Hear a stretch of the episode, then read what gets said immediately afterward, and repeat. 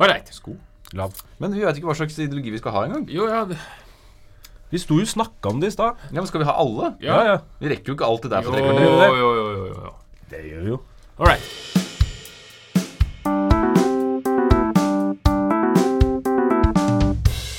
Den gang da. Hei, hei, hei, hei, hei, og velkommen til Den gang da, denne fantastiske historiske podkasten hvor vi tre historielærere, meg, Henning Mortensen, Hans Rosvold Hontvedt og Jørgen Lie, sitter og prater oss varme og gamle om historie. Eh, I dag skal vi snakke om et tema som faktisk en elev har etterspurt. Altså en eh, vi, jobber jo som historielærere, som nevnt, så vi skal, eh, vi skal faktisk respektere ønskene til elevene for en gangs skyld. Det hender jo at noen av de hører på dette her. Og vi skal snakke om eh, om, eh, om Ja. ideologier. Ideologier. Dette er jo noe vi tar opp i ganske mange episoder, for ideologier er jo stort sett ganske viktig. Uh, og uh, det ble etterspurt en egen dedikert episode hvor vi går gjennom uh, ja, ideologier. Vi kan selvfølgelig ikke gå gjennom alle, men vi skal ta for oss ideologier på 1800-tallet. Kan jo ha noe med at denne eleven skal ha prøve om dette om ikke så altfor lenge, men det skal jeg ikke spekulere i. Uansett, ideologier. Hva er det, mine gode herrer? Hva er en ideologi? Hva er Det en er ideologi? greit. Eh, Det er jo en teori, da. Om eh, hvordan man eh, ser på livet og samfunnet rundt seg, og hvordan man bør forholde seg til det. Ja, Er det, er det var den grei? eh, helt ok. Litt, litt sånn, litt sånn Fire pluss. Systemidé. En system i det? En tanke om hvordan samfunnet er og bør styres. Ja. Ikke det? Det må jo ikke være samfunnet. Det kan også være en livsfilosofi. Hvis du, Ja. ja, nei, nei, nei, Jo, men det kan være det. Ja, men det kan være Det, det er selvfølgelig to sider av samme sak ofte, men Ja. det må Ja. ha med samfunnet å gjøre. Ja, fordi det er det som kanskje gjør det til en Det ideologi. Altså konfusi, konfusianisme. Konfusianisme. Er det en ideologi? Er det en filosofi?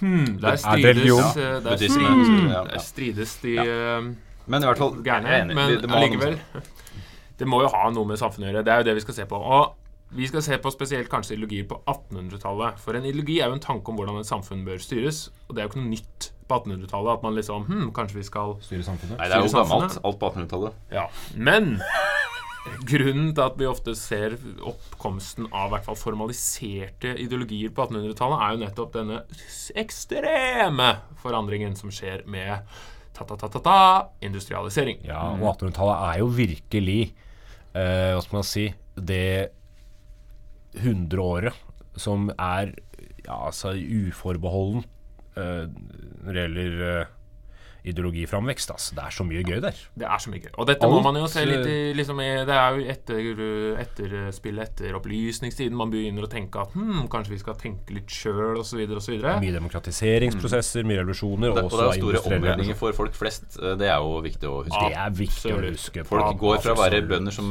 sår og dyrker og spiser det de sår, og så begynner de å selge det isteden, og så flytter de inn til byen og får dårlige arbeidsvilkår i fabrikken isteden. Det er mye bedre. Ikke sant? Så det skjer ekstremt mye. Masse! Og eh, vi skal jo snakke om en rekke ideologier i dag, men jeg begynner eh, i begynnelsen holdt jeg på å si, jeg begynner med konservatisme. Ah, Ah. Begynnelsen Tja. Ja, det er jo Tja. begynnelsen var Men det er jo, lyst, og så dette her er litt interessant, fordi de fleste ideologier på et eller annet vis springer ut av en form for reaksjon på en annen ideologi. ja. Men hva kom først? Høna eller egget? Altså Eller- eller hvilken ideologi? Men konservatismen som formalisert ideologi er jo utformet av en som heter Edmund Burke, Ja. eh, som reagerte veldig på det som skjedde under den franske revolusjonen. Altså en reaksjon på noe. Fort. Det gikk for Ja. fort. De går så fort, og det er jo tendensen til en revolusjon. Det er jo at det er en rask omveltning. For hva er konservatisme? Det er jo en ideologi som i større, eller i motsetning til de raske omveltningene, heller eh, ønsker en gradvis endring og bevaring i større grad av de tradisjonelle verdiene og ideene. Kontrollert endring, ikke helt frislipp. Og det er kanskje Dette er viktig å poengtere, fordi konservatisme betyr ikke at man skal bevare alt som var. De er Nei. også med på forandring, men sakte. Og Man kan jo være konservativ på ulike områder. Man kan være politisk konservativ, man kan være religiøst konservativ. Men det de stort sett bunner ut i, litt gammeldags. Jeg har lyst til å ha det sånn, sånn. som det er. Ja, jeg er litt skeptisk til ny endring. Mm. Uh, og hvis jo- endringen først skal skje, så må det skje i kontrollerte forhold. Du er jo gammeldags, eh, Hans. Ja, jeg er ikke så konservativ. I klesstilen, f.eks. Ja, ja Du det går varierer litt. altså Hvor er linresten din? Det lurer jeg ofte på. Det er vinter nå, da. du kunne hatt den. Går ikke Ja, mye ja, om vinteren. Såpass er konservativ er jeg. Hva er det konservative partiet i Norge?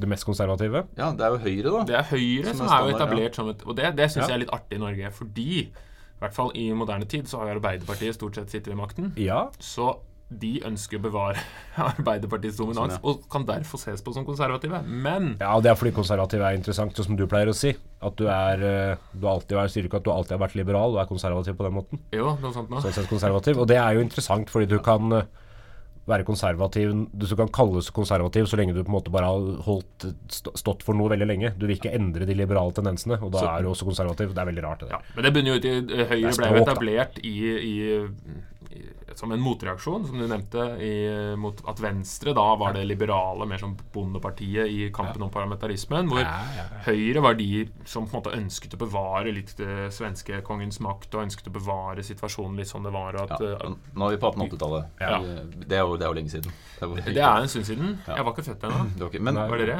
Nei, Og Wenche Foss Hans var jo så vidt i gang med skuespillerkarrieren sin. Ja. Ja. Men Kåre Willoch, han var, han var Han Han var politisk politisk han, var jo han som opprettet. Høyre, ikke? det. Men eh, Henning, er du, er du konservativ? Uh, nei, ikke sånn politisk, vil jeg Og det er ikke jeg heller, bare så det er sagt. Men på mange Eh, områder, og- kanskje. Ja, Men altså, jeg tror de fleste mennesker er litt konservative. Ja. Du er et rutinemenneske, da. Jo, men det er akkurat det. På noen områder er de fleste konservative, men det betyr ikke at man er politisk eller sosialt eller kulturelt konservativ av den grunn. Det er jo, det er jo, men En gammel kollega av meg sa jo at eh, Eller det er jo ikke hans sitat, men han sa det likevel. At hvis ikke du er på venstresiden når du er ung, så har du ikke hjerte. Hvis ikke du er på høyresiden når du er gammel, så har du ikke hjerne. Nei. Og det, det kan jo være noe sannhet i det. At eh, det har mer med rasjonelle Nei, Nei. rundt 40. Så han, nærma, unge han var gammel raddis, da. Og måtte nærme seg konservatismen, muligens. Men altså, et eksempel her er jo f.eks. dikteren Arnulf Øverland. Arnulf Sørland. Som? Arnulf Sørland, som jo var kommunist, og sånn sett radikal, det kommer vi tilbake til, men språklig svært konservativ. Mm. Kulturkonservativ på en del områder, ikke på andre områder. Ja, interessant. Så du Og det er veldig interessant. Ja, så du kan være både konservativ og liberal. Ja. For eksempel da, Høyre som parti er jo verdikonservativt, men de har jo en økonomisk liberal politikk. Og det er interessant, fordi Ja. økonomisk liberalisme ofte er en del av den uh, politiske konservatismen. Interessant. interessant. Men uh, konservatismen er jo ofte knytta, i hvert fall på 1800-tallet, hvis vi holder oss der, til, til de som har det ganske greit. Eh, det var ikke så mange arbeiderklassen fra arbeiderklassen som var konservative, kanskje, fordi gradvis forandring er greit så lenge du har det ålreit. Mm. Vanskeligere å tenke at ja ja, kanskje sønnen min får det bedre. Vi tar over tid. Ja. Ja. Men det, det er jo en viktig ideologi som man fortsatt påroper seg i dag. Kan jeg bare stille spørsmålet konservatisme kommet for å bli? Eh, jeg er Ja, ikke sikker, jeg må tenke på det. Jeg tror det. Jeg, vil- jeg, jeg, jeg, vil ikke, jeg vil ikke bestemme helt ennå. Nei, nei jeg, jeg er litt usikker. Jeg, nei, forresten, jeg vil bevare det sånn som det var. eh, jeg vil se det ja, uh. Eh, konservatisme. Vi skal ikke bare kvitte oss med hele greia. Så lenge det går sakte, så er det Ja. Eh, vi går videre. Eh, liberalisme. Ja, hva betyr det? Det høres jo ut som det motsatte av konservatisme. Og på noen Det er fordi du er er historiker, Hans. Det er ikke alle som tenker det. Nei, At, men, det ah, er, men, det er det så er det jo ikke nødvendigvis det alltid heller. Men, men ja, hva er det for noe? Ja, det betyr, Liber betyr jo fri, og liberalisme kan jo knyttes til eh, både politisk liberalisme og økonomisk liberalisme. Eh, politisk liberalisme handler mye om det som skjer i eh, fransk revolusjonen, og at man ønsker mer frihet for individet, altså rent politisk frihet. Eh, og den økonomiske liberalismen handler jo om at staten skal holdes utenfor økonomien. Rett og slett at økonomien skal styres av tilbud etterspørsel. Adam Smith er jo den viktigste foregangsfiguren der, som skrev om at hvis staten holder seg unna, går det mye bedre for økonomien. Grunnlaget for på en måte kapitalistisk tankegang. Så det er jo det. Ja, og, ja, og det, det er jo i høyeste grad eh, aktuelt i politikken. Eh, liberalismen lever. Eh, er det frihet for individet, så er du gjerne for liberale holdninger. Så eh, politiske partier, hva er det mest liberale partiet vi har i dag? Vi, Venstre er jo tufta som et liberalt parti. Men er de det i dag? Eh, ja, på mange måter. De holder seg jo i De borgerlig blokk, det, og det, altså, det er det som er litt interessant. Altså, Frp er jo også et liberalistisk parti på mange områder, men ikke på andre områder. Og det er jo De er jo økonomisk liberale, Ja, men, men kanskje mer verdikonservative. Mm. Venstre er jo mer eh, også politisk liberale. Ønsker Ja. mer åpenhet i forhold til narkotikapolitikk osv. Men skal, eh, Men Frp er jo også liberale når det gjelder f.eks. alkoholpolitikk og en del sånne type individuelle goder. da Frihet Ja. til individet. Så du sier at det er komplisert? Ja. Ja. Er det ikke, er det ikke det? Jo, det er ganske komplisert. Vi, eh, Men eh, for dere som prøver å få en oversikt over ideologier, eh, selv om det er komplisert, så er det også litt enkelt. Fordi Ja. med en gang du har litt ideologioversikt, så er det ganske lett å tenke seg hva Ja, disse er politikerne kommer til å si. så. Ja, Det blir nesten kjedelig, da. Du har på en måte, det er sånn spoiler alert. Hvis du ah, du er liberal, ah, selvfølgelig mener du frihet. Der. Jeg syns vel egentlig ikke at det gjør noe at politikken er forutsigbar. Nei. Jeg syns det er greit at det ikke Ofte er fordel. helt random hva som Så, foregår. så på en måte, det er ikke revolusjon som er målet, Nei. bortsett fra Rødt, da, for Bjørnar Moxnes. Ja, der er det jo fortsatt revolusjon. Ja. Ja. Men liberalismen er jo Evolusjon heller enn revolusjon, er det mange som sier. nettopp, nettopp. eh, Venstre, som er jo da det første politiske partiet i Norge, som er det liberale partiet sånn sett. Men så vokser, og de kaller seg vel mer sosialliberale i dag. Fordi Ja. liberalismen Altså individuell frihet eh, gir jo fordeler ved at man får eh, gjøre som man vil, men det gir også en del eh, ulemper, kan du godt si, ved at hvis du ikke klarer deg, så er du overlatt din egen skjebne. Ja, da kan man jo er, kombinere den, de ja, to sidene. det er den ytre delen av liberalismen. Ja, hvis vi liksom drar helt sånn libertarianere som mener at det er helt opp til deg, da. Hvis du dauer, så er det synd på deg, liksom. Men det er litt sånn som jeg tenker amerikansk politikk er. På helsemessig, f.eks. Ja, nei, du har ikke, altså det du ikke har rett til gratis helsehjelp, er for nordmenn rart, men for amerikanere ganske naturlig. Ja. Og Men det, for å komme er meg videre, da. Ja, Du har vokst vokser jo fra med ny ideologi som kalles sosialliberalisme. Ja. Som er vel han John Stuart Mill, er det ikke det han heter, som er den som formulerer ideene der? Ja, vi skulle ikke gått via sosialismen, da. Nei, nå, nå, nå er- nå, er vi, nå er jeg på så godt i gang. Ja, men Jeg syns det blir vanskelig å forklare at det er en blanding av sosialisme og liberalisme uten å først være innom sosialisme. Ja, Vi kan kort oppsummere det med at det er frihet for individet, men ansvar for fellesskapet. At man ser behovet for en viss Men ideen om ansvar for fellesskapet, hvor kommer den fra?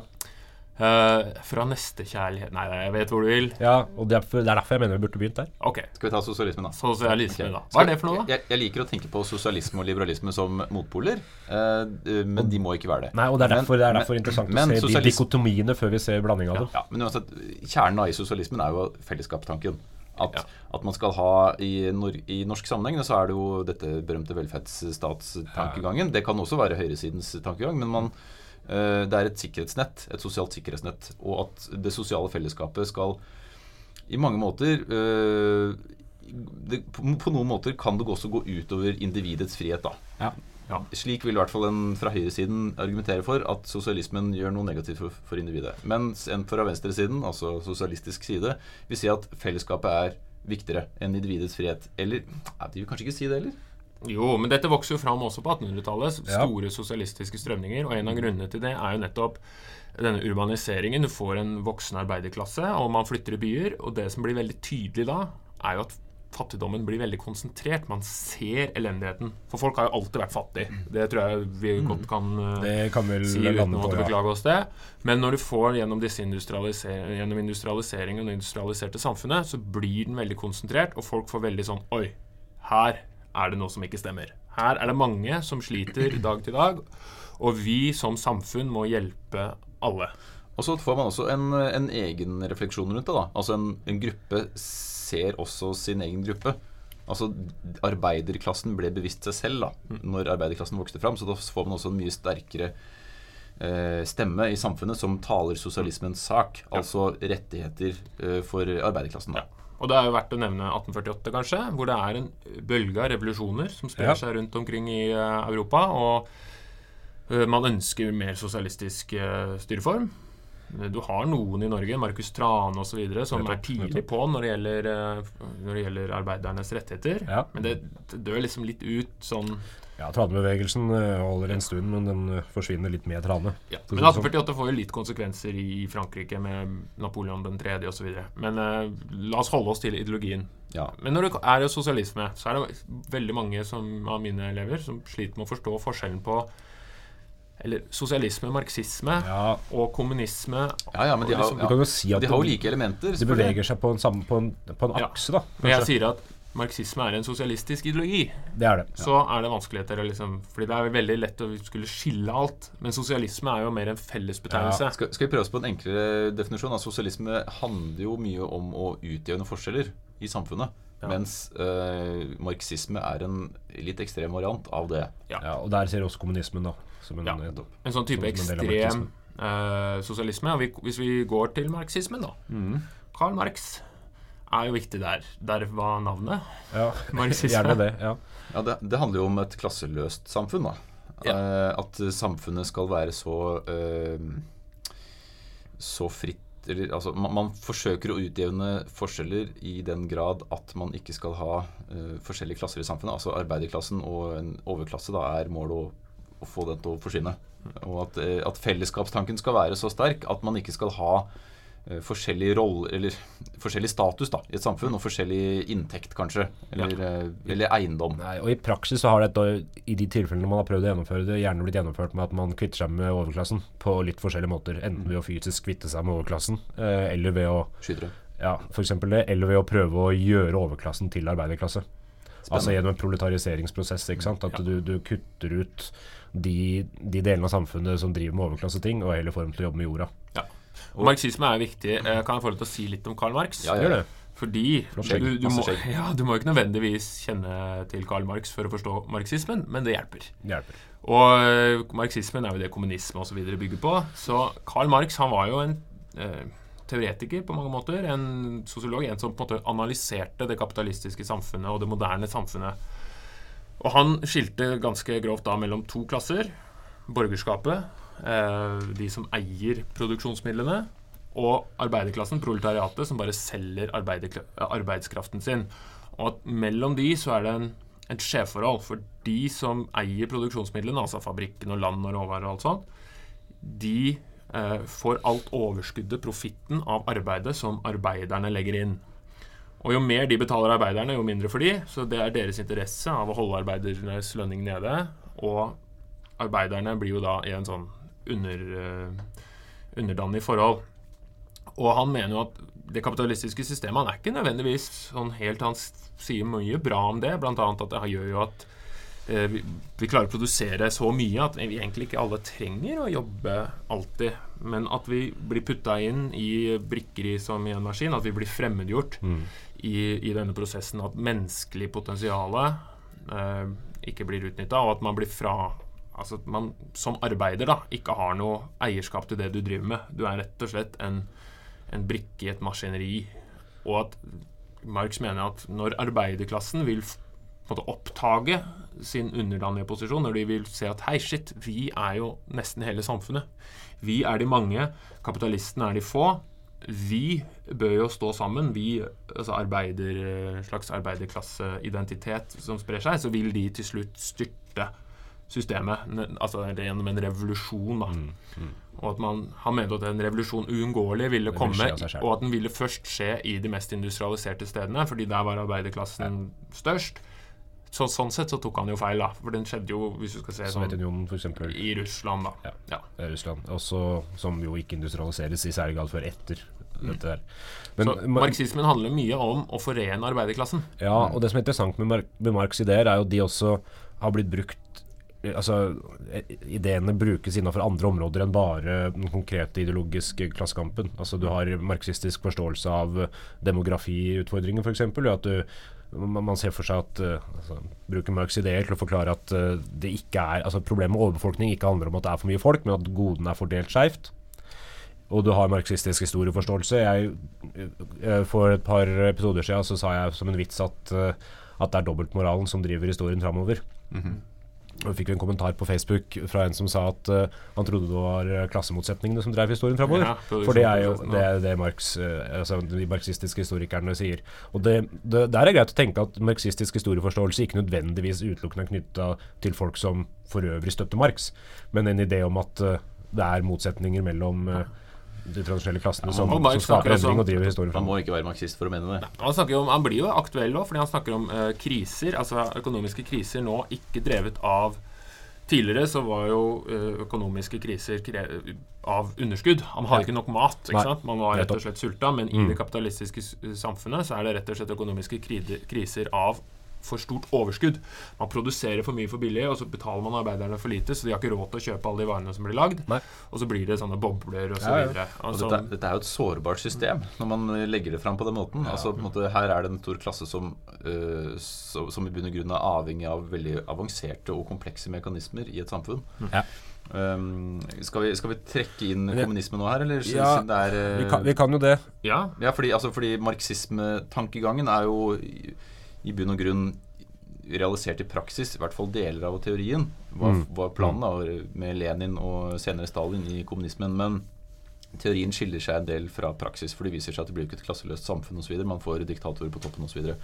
Men tanken om at uh, man skal leve med en stat som er eh, formynder og som eier all, eiendom, og at mennesker skal leve sammen i jordbruksfellesskap, ble jo realisert i Sovjetunionen. Man, man tok fra bøndene eiendomsretten og satte dem i store landbrukskollektiver for at de skulle produsere stordriftsproduksjon. Slags kollektiv. Det er derfor motstand mot kommunisme ofte også har vært ganske stor blant bøndene. I, Ja. altså, Ja, for Jordeiere. jordeiere, f.eks. for eksempel i, Man er jo i Tyskland. ikke sant? Da mot privat eierskap. Ja. Og Ja. marxismen er jo også ikke-nasjonalistisk, fordi som sagt at arbeider er, er arbeider uansett om det er tysk eller fransk. Arbeider uh, Så derfor er jo dere, på nasjonalistene på både 1800- og 1900-tallet og marxiste kommunistene erkefiender. Ja. Fordi For en nasjonalist, hva er det viktigste? Jo, det nasjonale fellesskapet. For en marxist, det er ikke så viktig. Det er arbeiderklassen, uansett nasjonalitet. Mm. Det er en internasjonal eh, ideologi. Ja, og Vi får vel muligheten til å komme inn på nasjonalismen snart, sikkert. Men jeg tenker, du, du nevnte kapitalisme her i stad. At marxisme og Marx på en måte hadde studert kapitalistisk system. Kanskje vi bør forklare hva kapitalisme er? Uh, nei. Nei. Vil dere ikke det? Jo da, kom igjen, Hans. Det er jo, ja, ja, det er jo fri flyt av varer og tjenester. Ja. Det, er, det er jo en markedsliberalisme. Ja, altså at man skal ikke Altså Det motsatte av kapitalisme er ofte planøkonomi eller Ja. kommunistisk tankegang. Eller i enklere sammenheng, da hvis du, hvis du har toll på varer, Mm. så er det en, et forsøk på å dempe fri flyt av varer. Og den vokser jo fram på 1800-tallet når man begynner å skjønne at den gamle merkantilismen, som vi ikke trenger å forklare akkurat nå Det ligner jo på er nettopp toll, da. Ja, for kapitalisme er, forveksles jo ofte med en ideologi, men egentlig er jo eh, økonomisk system basert på privat eierskap. Ja. Uh, men uh, jeg vil uh, snakke Hva er det vi snakket om? Jo, Du, du nevnte nasjonalisme som en motsetning. ja, til, men jeg vil også marxisme er en ekstrem form for sosialisme. Ja. Men så har du også litt mer hva skal jeg si? Ikke konservative, eller kanskje. Litt mer forsiktige sosial, sosialistiske ideologier. Ja. Som sosialdemokrati. Ja. Ja. Som ikke er en isme. det er Nei, men som beveger seg litt over i sosialliberalisme-ideen. Det heter jo ikke sosialdemokratisme. Nei, det burde jo. det det høres ut som et det er, tullord. men det er fordi sosialdemokrati er et system mer enn en ideologi. Men, det er, men altså, hvis du ser, vi snakka jo om sosialliberalismen i stad, og der kan vi se f.eks. partiet Venstre innafor en sosialliberalistisk eh, idé. Der, der, der, der altså, innbyggerne i en land har ansvar for i stor grad for seg sjøl, men de som faller utafor, si opphavlig pga. Eh, behandlinga de har fått fra samfunnet, skal eh, få hjelp. Eh, Sikkerhetsnettet. ja, ikke sant? Og sosialdemokratiet er jo på, på et eller annet vis litt tufta på disse ideene om at, eh, om at man skal ha en viss Man skal ha frihet. Ja. Det skal være basert på noe grad av marked, men, men samfunnet skal fremdeles være i stor grad statlig. Ja, det er jo en sosialistisk retning, eh, og den er jo, som jeg sa, en litt mer forsiktig sosialistisk retning. Fordi man mener ikke at man skal ha revolusjon, Nei. men man skal ha sosialistisk samfunn innført gjennom demokratiske prosesser. Ja. Ja, og man- Rett og slett gi stemmerett. Man, man, man måtte anerkjenner at eh, eller Det er vel ikke en like aktiv politikk for å utjevne selve klassene, men man skal utjevne klasseforskjeller. Ja. Det skal man gjøre. Man at Klassene kan bestå, men man skal helst ikke ha for stor avstand. Da. Nei. Det er, hva heter han Bernstein? Er ikke han heter?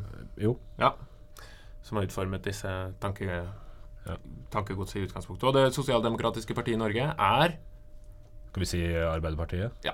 Vi- Det er i hvert fall de som Samtidig så er jo liksom Ja, sosial, Samtidig så er sosialdemokratiet også såpass anerkjent Mm. i Norge at de fleste partiene kan bevege seg innenfor en sosialdemokratisk akse. Jeg husker ikke hvem som har sagt det, men det er noen som har sagt Ja, det er at vi er er alle sånn. sosialdemokrater i Norge. Men det er ingen, som, altså ingen av de norske partiene, ei heller på konservativ eller liberal side, beveger seg langt utafor det sosialdemokratiske spekteret. Ja. Og det var en eh, Høyre-Senterparti-regjering med han Borten i spissen i 1967 som innførte folketrygden. For eksempel. Så det viser jo at vi Og man er enig om velferdsstaten, f.eks. Man er bare ikke enig om velferdsstatens grenser og ikke sant? Hvor Ja. aktiv den skal være. Ja. Men eh, altså, litt forsiktig sosialisme. Ja. Hvis du husker er, det, det, så ja, er det på en måte Er det lettere å spise for høyresiden? Jo, Altså, men jeg tenker at det er, det er jækla interessant da, med tanke på at man under den kalde krigen f.eks. så en så ekstremt tydelig motsetningsforhold mellom USA og Sovjetunionen.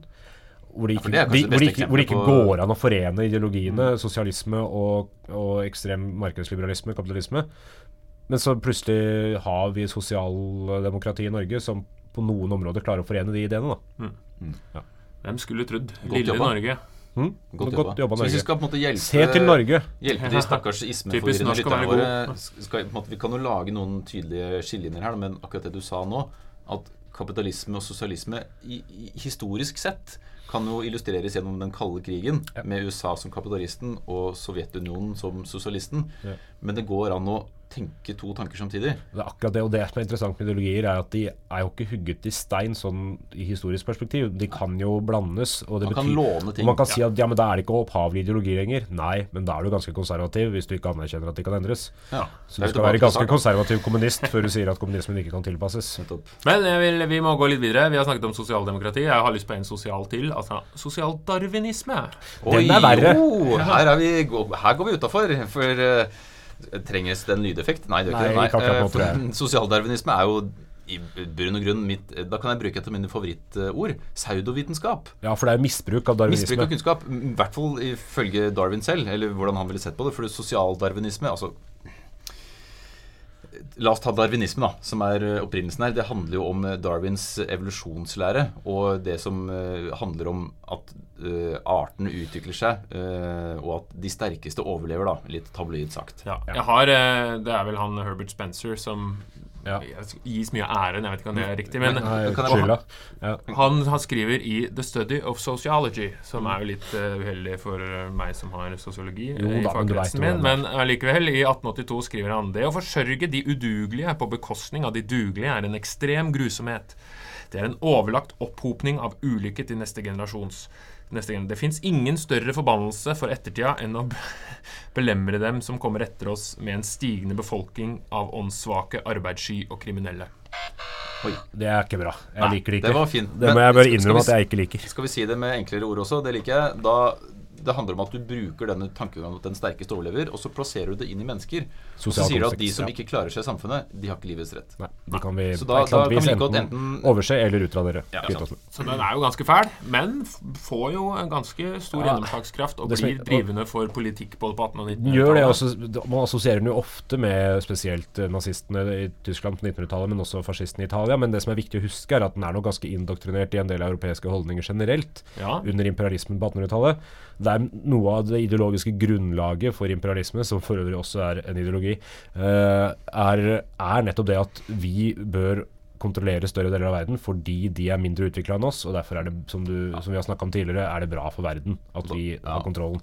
Uh, det, er det, er ikke, det, er, det er vanskelig å legitimere en sånn politikk uten at du har en sosialdarwinisme i bunn. da Ja, Og kombinert med rasisme, rasisme. selvfølgelig. Ja, ja, det er, rasisme og rasisme i, i denne sammenheng handler om at man ser jo forskjell på rasene, og mener at enkelte raser er høyerestående enn andre. I en Og det er jo, men- ja, og det er jo blandinga. At man måte tenker at ok, det er én rase som har utvikla seg bedre eller riktigere enn en annen. Og da får man uh, de re, uh, ja, Hvis man har sett bilder Dette foregår i Norge også.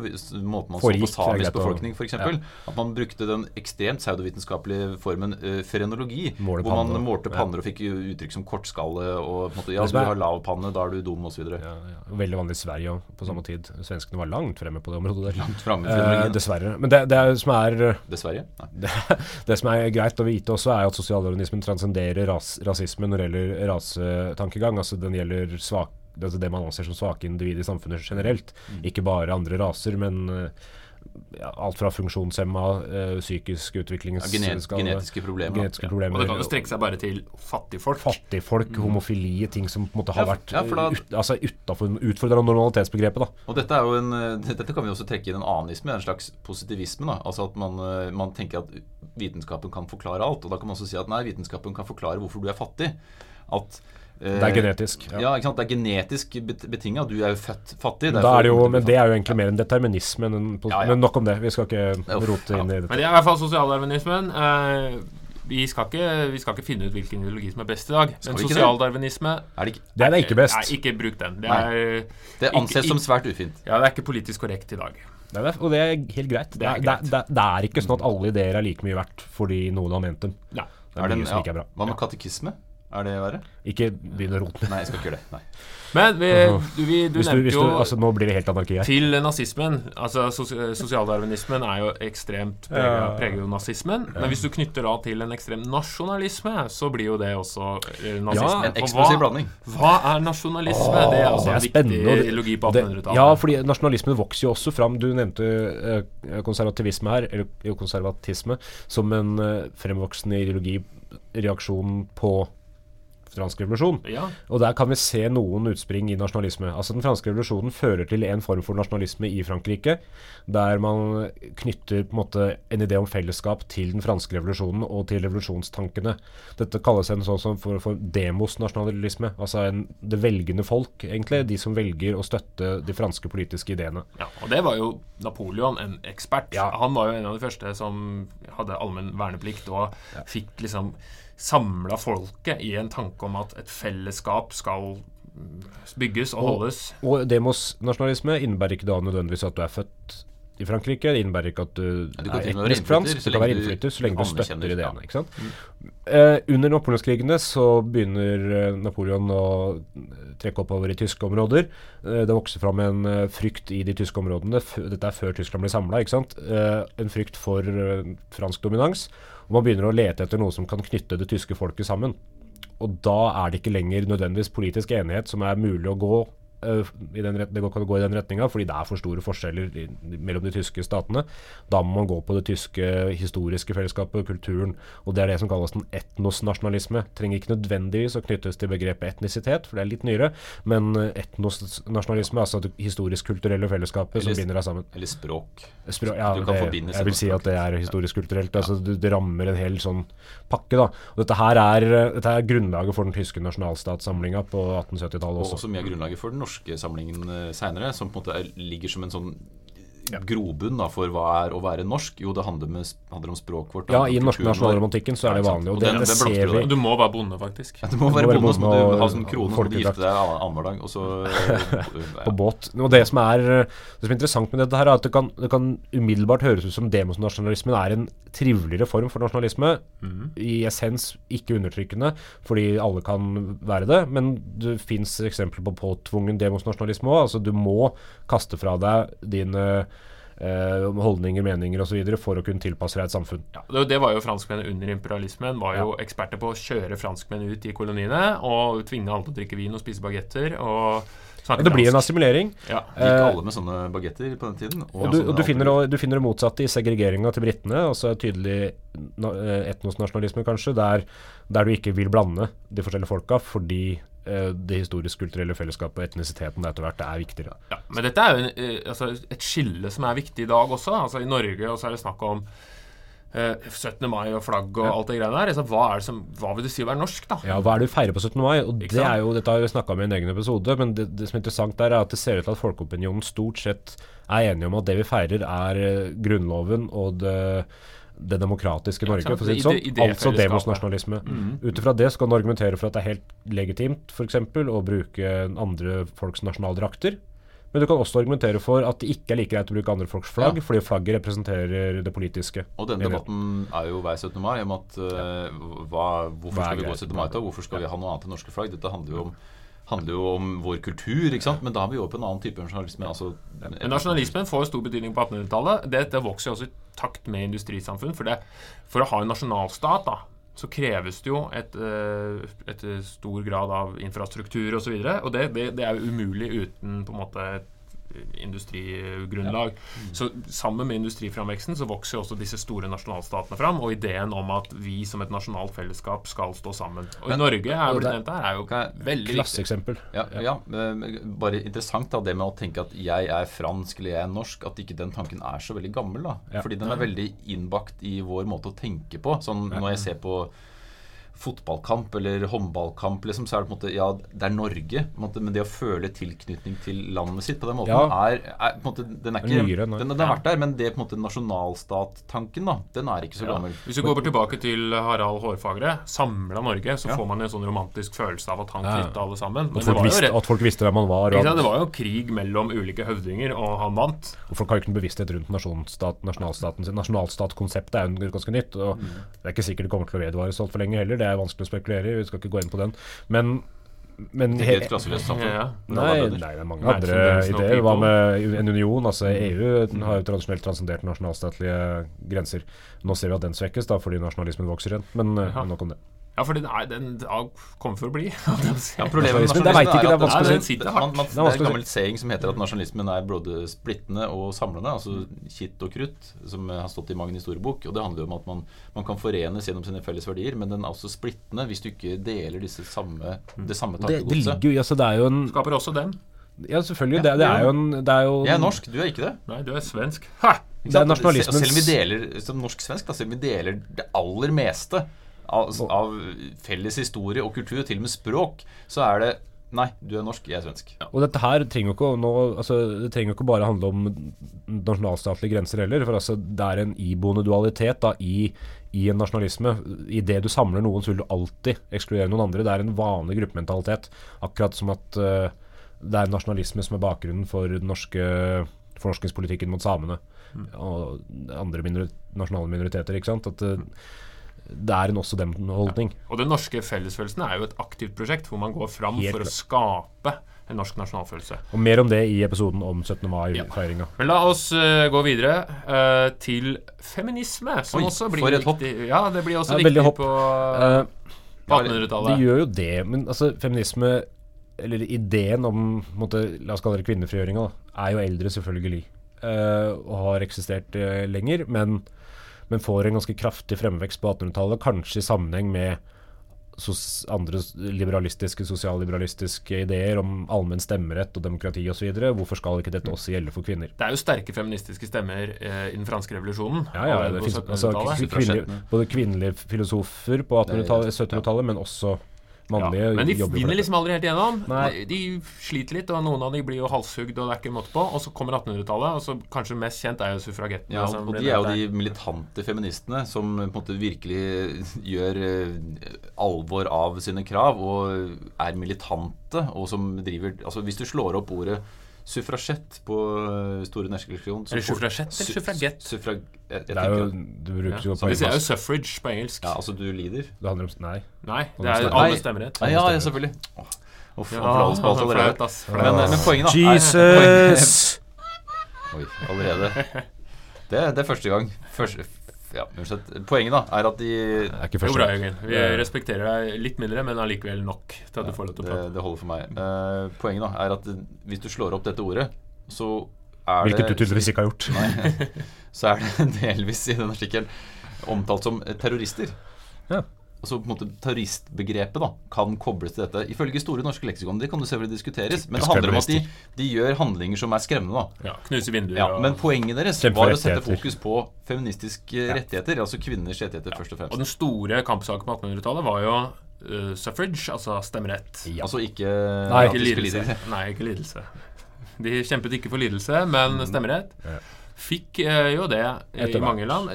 Ofte i forbindelse etter første verdenskrig, fordi kvinner endelig eh, fikk vist sin verd i fabrikkene. Men i noen Eh, områder allerede tidligere, slutten av 1800-tallet. Ja, og i Norge i 1913. New Zealand, slutten av 1800-tallet, så vidt jeg vet. Luxembourg New Zealand først, ja. 1983, ja, tror jeg. eller- Sverige faktisk Sverige, først 1700-tallet. Men, ja, men, men det varte bare et år. Det varte et år. Vi det skjønte at nei, dette Ja. var for Hvem, gøy. er, hvem er det som er sist ut, da? Eh, Luxembourg? Nei, det må vel være Ja, altså i Europa. stemmerett eh, Saudi-Arabia. Ja, Saudi-Arabia i fjor. Ja, ja. Ja.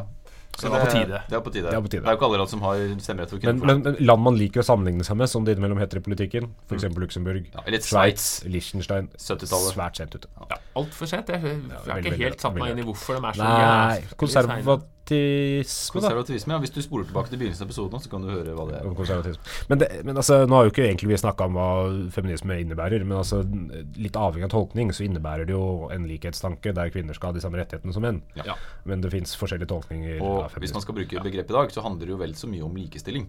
Altså kanskje Ja. Men, men det, ofte, ulik- ofte er det jo kvinnenes rettigheter som har vært eh, bakpå. Og Fordi det har vært det som har vært nødvendig å fokusere på. Da, dette går i bølger. altså Du, går, du har jo 1800-tallet, så er det stemmerett, og så får man det. Og så er det en slags på 20-tallet, en frigjøring i mange land med liksom mer eh, Man er mer, kan være mer åpent og gå i bukser og alt det. Gjerne i forbindelse med krigene der kvinner kommer ut i arbeid. Ikke sant? Og så har du andre verdenskrig, hvor kvinnene på mange måter dyttes tilbake ut av fabrikkene og inn i hjemmet igjen med en sånn øh, tanke om husmoren og husmorsidealet. Og så begynner man på, på 60-tallet å snakke om kvinners ut i arbeidslivet og, Og da er det gjerne i forbindelse med den sosialistiske Ja. bølgen på 60-70-tallet. Ja. Ja. Og da får du rødstrømpebevegelsen og sånn, ikke sant? Som, Vil dere kalle dere feminister? Om vi gjør det? Ja. Ja, jeg, Altså, gjør vel hvis, hvis feminisme er å anerkjenne og, og tale for kvinners rettigheter, så er man jo det. Ja. Jeg Men, men jeg, jeg går jo ikke i tog som en suffragett og skaper terror. Men det fins ikke- du en balansert å måte å kjempe for rettigheter for. Jeg går jo ikke Altså, jeg er jo på et eller annet vis Jeg har jo meninger om politikk, men det betyr ikke at jeg går i tog alltid for det. Ja, det er Jeg er sosialdemokrat, sosialdemokrat, men jeg går jo ikke nødvendigvis i tog for å markere for det. Ja, men du, Er du sosialdemokrat? Ja, du kler Jeg ikke tog. alltid. Nei, jeg, vet ikke. Jeg tror jeg er på et eller annet del av skalaen. Ikke nødvendigvis en hardbarka sosialdemokrat, men ja. Ok. Men vi har nå snakket uh, veldig mye om ulike ideologier. Jeg håper dette hjalp uh, til denne, deg, kjære elev, som etterspurte denne Er episoden. vi ferdig? Ja, vi, vi, det er ikke flere Er det ikke flere? Jeg Jo, tenkte, er, Hva altså, med anarki, for eksempel? Det er jo helt mayhem. Uh, ja. Det er jo alt lov. Alt lov. Alt er lov. Alt er lov. Ja, det er jo ideen om altså Anarkisme er jo en sånn ytterpunkt, da. Der man ser på på en måte Vi skal ikke ha noe hierarki, vi skal ikke ha noe struktur, vi skal ikke ha noe lederskap. Vi skal ikke ha noe stat. Nei, vi skal, fordi folk klarer å organisere seg sjøl. Men det, det, ideen er jo at folk kommer til å organisere seg, og da har du plutselig lagd et hierarki. Men nå prøvde jo jeg å gå videre. Er det du eller jeg som bestemmer? Nei, nå er jeg Akkurat nå er jeg sant? Anarki.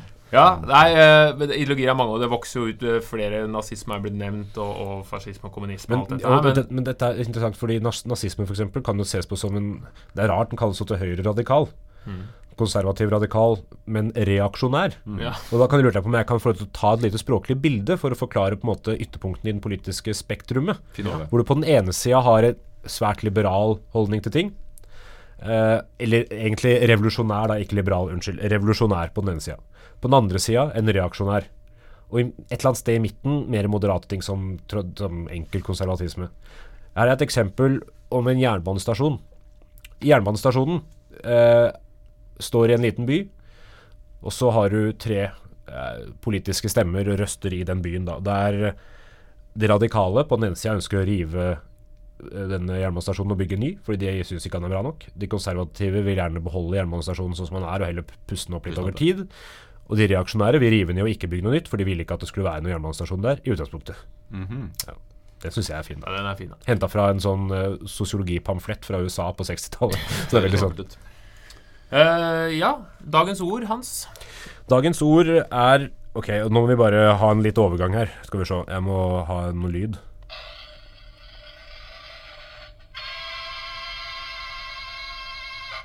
Den er lang. Dagens ord er ikke knytta til noe av det vi har snakka om, Kjempefint. tror jeg. Uh, tja. Jo, nei, ja, nei, ikke i det hele tatt. Uh, det er hebraisk. Jeg skal prøve å uttale det riktig. Er det vokaler i den? Eh, det er noen vokaler. Eh, Nishbar li eh, chasayin. Nishbar li chasayin. Du leser på hebraisk? Ja, ja. Nishbar li chasayin. Er det fleip?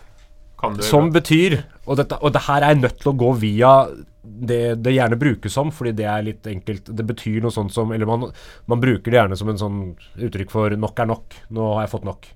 Men direkte oversatt så betyr det noe i retning av 'pikken min er ødelagt'. Ja. Eh, hva nå enn ja, Litt usikker på overføringa der. Hvordan da? Metaforisk? Ja, Eller altså- bare rent konkret? Altså, konkret betyr det det, men i overført betydning nok er nok. Eh, eh, pikken min er ødelagt av denne foreleseren. Nå må denne timen være over snart, f.eks. ja, sånn, Ja. Det er et, det er et uttrykk vi kunne brukt Ja. eh, Nei, Her i dag? jeg, jeg syns ikke det. Egentlig, pikken min er ødelagt. Det er nå har jeg sagt det altfor mange ganger. Alt mange Si det ganger! en gang til. En gang til. Nei, jeg vil ikke. På hebraisk. Pikken min er ødelagt på hebraisk. Nishbar li eh, chayasin. Ja. Fint. ja, men vi sier eh, takk for lytten. Håper dere ble litt klokere, eller i hvert fall litt mer forvirra. For det er lov å være forvirra når det kommer til ideologier. Hvis du ikke er forvirra, så gjør du noe gærent. Så Det er godt sagt. vi. Ja, takk for nå. Ses neste gang. Høres, er høres Høres, ja. Ha det!